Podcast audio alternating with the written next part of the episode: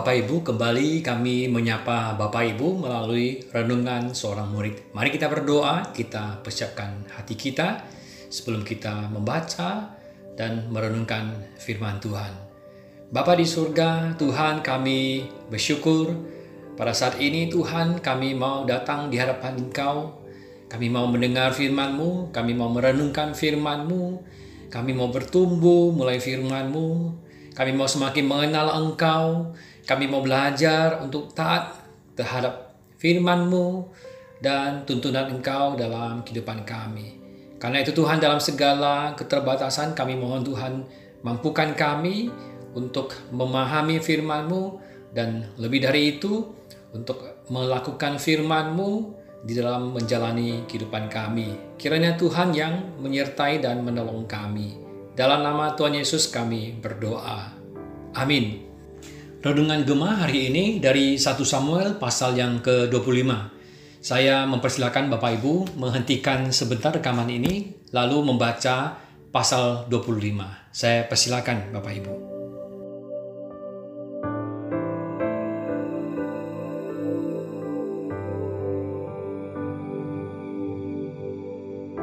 Baik Bapak Ibu, saya percaya Bapak Ibu sudah membacakan bagian firman Tuhan ini. Melalui perekod firman Tuhan yang kita baca tadi, kita bisa melihat persoalan yang timbul ketika Nabal tidak bersedia membagi makanan kepada Daud dan pengikutnya. Dan sekilas kita mungkin berpikir bahwa Nabal bersikap demikian karena dia adalah seorang yang pelit yang tidak mau berbagi. Apakah memang demikian? Apakah memang karena kepelitannya lah yang membuat dia tidak bersedia membagi makanan kepada Daud? Ayat kedua menyebutkan bahwa Nabal melaksanakan pengguntingan bulu domba-dombanya. Pengguntingan bulu domba ini sesungguhnya bukan sekadar kegiatan biasa, tetapi sebuah tradisi yang disertai dengan sebuah pesta perayaan. Kita bisa melihat hal tersebut di ayat 36 yang menyebutkan bahwa Nabal mengadakan perjamuan di rumahnya, seperti perjamuan raja-raja. Jadi ini bukan sekedar pesta biasa, ini sama seperti acara ucapan syukuran oleh petani yang sedang panen. Dalam acara syukuran ini bukan hanya diadakan pesta, tapi juga ada kebiasaan berbagi makanan pada orang yang miskin dan yang membutuhkan makanan. Oleh sebab itu, Daud mengutus orang pergi meminta makanan kepada Nabal saat masa pengguntingan bulu domba ini. Dengan kata lain, Nabal sebenarnya tidak pelit karena toh dia melaksanakan tradisi ini Lalu kalau begitu apa yang membuat Nabal tidak bersedia berbagi makanan pada Daud dan pengikutnya? Bapak Ibu, sikap Nabal pada Daud dipengaruhi oleh persepsinya terhadap siapa Daud itu. Dalam pandangan Nabal, Daud dan pengikutnya itu adalah kelompok orang rendahan dan gerombolan pemberontak yang sedang melarikan diri dari Raja Saul. 1 Samuel pasal 22 ayat 2 menyebutkan bahwa Daud dan kelompoknya adalah kelompok orang yang sedang mengalami kesukaran, orang yang sakit hati, dan orang yang sedang dikejar oleh tukang piutang. Di ayat 10, ketika Nabal bertanya, siapakah Daud? Siapakah Isai? Maka pertanyaan tersebut adalah jenis pertanyaan retoris. Pertanyaan yang tidak butuh jawaban. Ayat 3 menyebutkan Nabal berasal dari keturunan Kaleb dan Kaleb berasal dari keturunan suku Yehuda, suku yang paling loyal pada Daud. Jadi tidak mungkin Nabal tidak mengenal siapa Daud. Pertanyaan retoris Nabal ini adalah sebuah sikap Nabal yang memandang rendah Daud. Seakan-akan dia berkata, memangnya siapa dia? Kenapa saya harus membantu dia? Jadi sikap Nabal ini juga menunjukkan bahwa dia salah mengenal siapa Daud. Dia hanya bisa melihat Daud yang sedang susah dan lemah saat itu. Dia tidak memahami ada rencana besar Tuhan melalui kehidupan Daud. Karena itu Nabal dijuluki sebagai orang yang bodoh. Arti kata Nabal itu memang adalah bodoh. Ada kemungkinan ini nama panggilan yang diberikan masyarakat. Zaman itu orang bisa dipanggil sebagaimana karakternya. Gak mungkin orang tua Nabal sengaja memberikan nama bodoh pada anaknya. Jadi kemungkinan ini nama panggilan Nabal karena kebodohannya. Tapi pertanyaan selanjutnya, apakah benar-benar Nabal ini seorang yang bodoh dalam pengertian bodoh dalam hal inteligensianya? Ayat 2 menyebutkan bahwa Nabal adalah orang yang sangat kaya. Bukan segera kaya, tapi sangat kaya. Dia mempunyai 3000 ekor domba dan 1000 ekor kambing. Masakan orang bodoh bisa mengelola perusahaan begitu besar dan sukses? Pasti Nabal bukan orang bodoh yang tidak mampu berpikir cerdas dan mengelola perusahaannya. Karena itu bodoh di sini bukan dalam aspek intelektual, tapi aspek spiritual. Kita mengenal yang namanya kecerdasan inteligensia atau kecerdasan emosi atau kecerdasan spiritual. Nabal dalam hal ini kurang cerdas dalam aspek spiritualnya. Apa maksudnya? Maksudnya adalah bahwa di dalam kebodohan spiritualnya, Nabal salah memandang siapa Daud dan salah dalam bersikap kepadanya. Yang dilihat Nabal dari Daud adalah kondisinya yang saat itu sedang dalam pelarian. Seorang yang miskin dan kekurangan makanan. Nabal hanya melihat yang di depan mata. Tidak mampu melihat jauh yang akan terjadi di depan. Nabal tidak mampu melihat apa yang tidak terlihat dengan mata jasmani yang hanya bisa dilihat dengan mata rohani.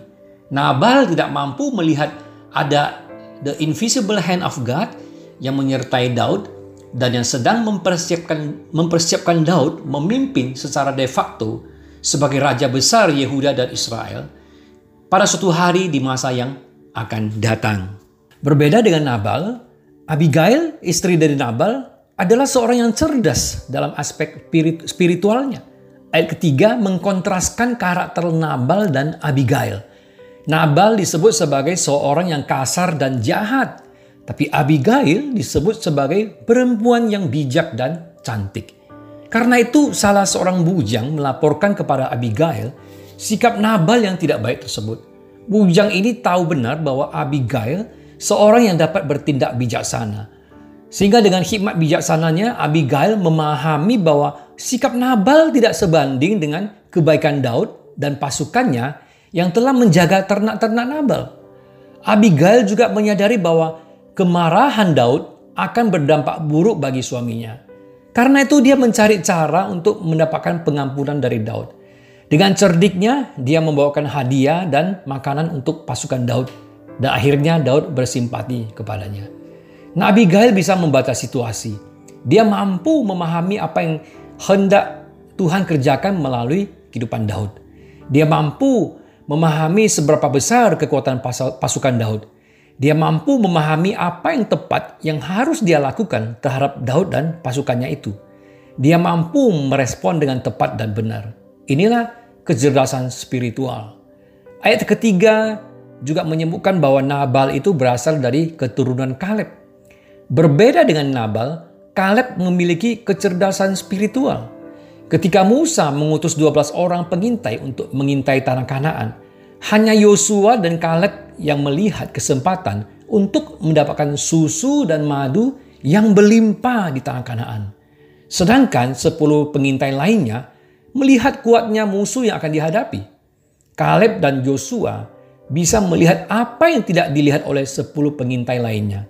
Kaleb dan Yosua bisa melihat dari perspektif yang berbeda. Mereka tidak fokus pada kekuatan musuh, mereka fokus pada janji Tuhan dan the invisible hand of God. Inilah kecerdasan spiritual.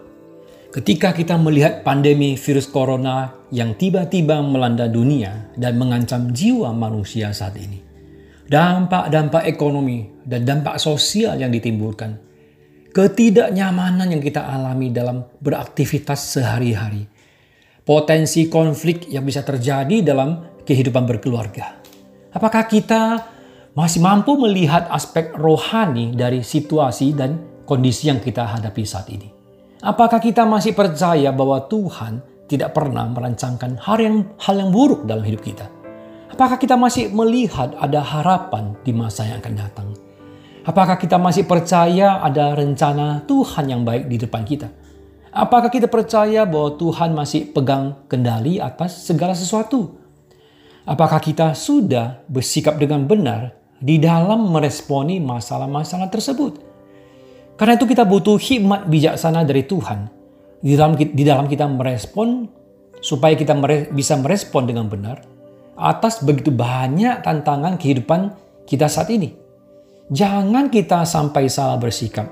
Jangan sampai kita salah membeli respon. Jangan kita salah melangkah. Dan jangan kita salah bertindak. Karena itu, mintalah hikmat bijaksana dari Tuhan. Yakobus 1 ayat 5 berkata, Tetapi apabila di antara kamu ada yang kekurangan hikmat, hikmat hendaklah ia memintakannya kepada Allah. Amin. Mari kita berdoa. Bapak di surga kami butuh hikmat bijaksana daripada Engkau supaya kami tahu bagaimana merespon dengan benar, bagaimana kami bersikap dengan benar sehingga hidup kami Tuhan tetap hidup yang berkenan kepada Engkau. Kami tetap percaya akan pertolongan Tuhan. Kami tetap percaya akan segala kasih setia, kebaikan dan penyertaan Tuhan dalam hidup kami. Kami tetap percaya bahwa Tuhan Allah yang senantiasa merancangkan kebaikan dalam kehidupan kami. Karena itu Tuhan, kami butuh firman-Mu, kami butuh bijaksana, hikmat, dan pertolongan Tuhan, sehingga kami bisa melewati, menjalani kehidupan kami dengan berbagai tantangan yang kami hadapi pada saat ini. Kiranya Tuhan yang terus menyertai dan menolong kami. Dalam nama Tuhan Yesus kami berdoa. Amin.